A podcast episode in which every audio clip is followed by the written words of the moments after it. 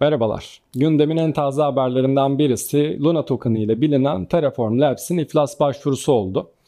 Geçtiğimiz sene Mayıs ayındaki krizden hatırlarsınız. Dolara endeksli algoritmik stabil kripto para USD ve Luna arasındaki algoritmik ilişki ölüm sarmalına girerek piyasadan milyarlarca dolar silinmesine sebep olmuştu. Hatta dolandırıcılıkla suçlanan eski CEO'su şu anda Karadağ'da Mart ayında Amerika'da bir davası olacak. Çıkardıkları token için de geçtiğimiz günlerde SEC'ye karşı bir dava kaybettiler. Luna orada Amerika'da yani menkul kıymet olarak kabul edildi. Bunlara ek bir de Singapur tarafında toplu bir dava sürecindeler. Yani hepsini birlikte düşününce kurum bunları da baz alarak iflas kararı almış gibi görünüyor. Dün geldiği için en taze haberlerden birisi buydu bültende. Şimdi dönelim Amerika'ya. Spot ETF'ler iyi hacim yapmaya devam ediyor. Net girişler 1 milyar dolar üzerinde pozitif seyretti.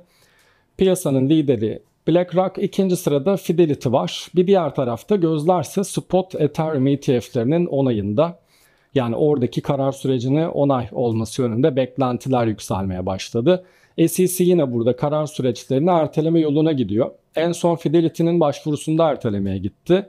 5 Mart'a öteledi. Ancak burada da süreç Mayıs sonuna kadar sürecek. Yani önümüzdeki dönemde Ethereum ETF'lerinden sık bahsedeceğiz.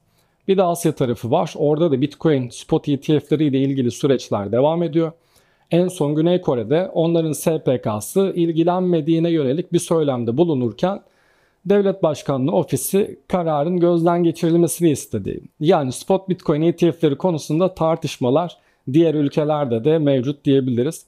Buna ek yine Asya'dan Hong Kong için Bloomberg'in bir duyum haberi vardı ortaya çıkardıkları önemli bir finans şirketinin ilk çeyrekte spot bitcoin fonu sunacağını söylediler.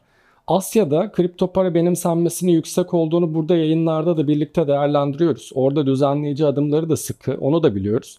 Amerika'dan sonra bir gözümüzün de orada olmasında fayda var. Son iki haberi de o bazda değerlendirmek kıymetli. İlerleyen dönemde Asya'da da Bitcoin yatırımlarının önünü açacak hamleler gelecek gibi duruyor. Party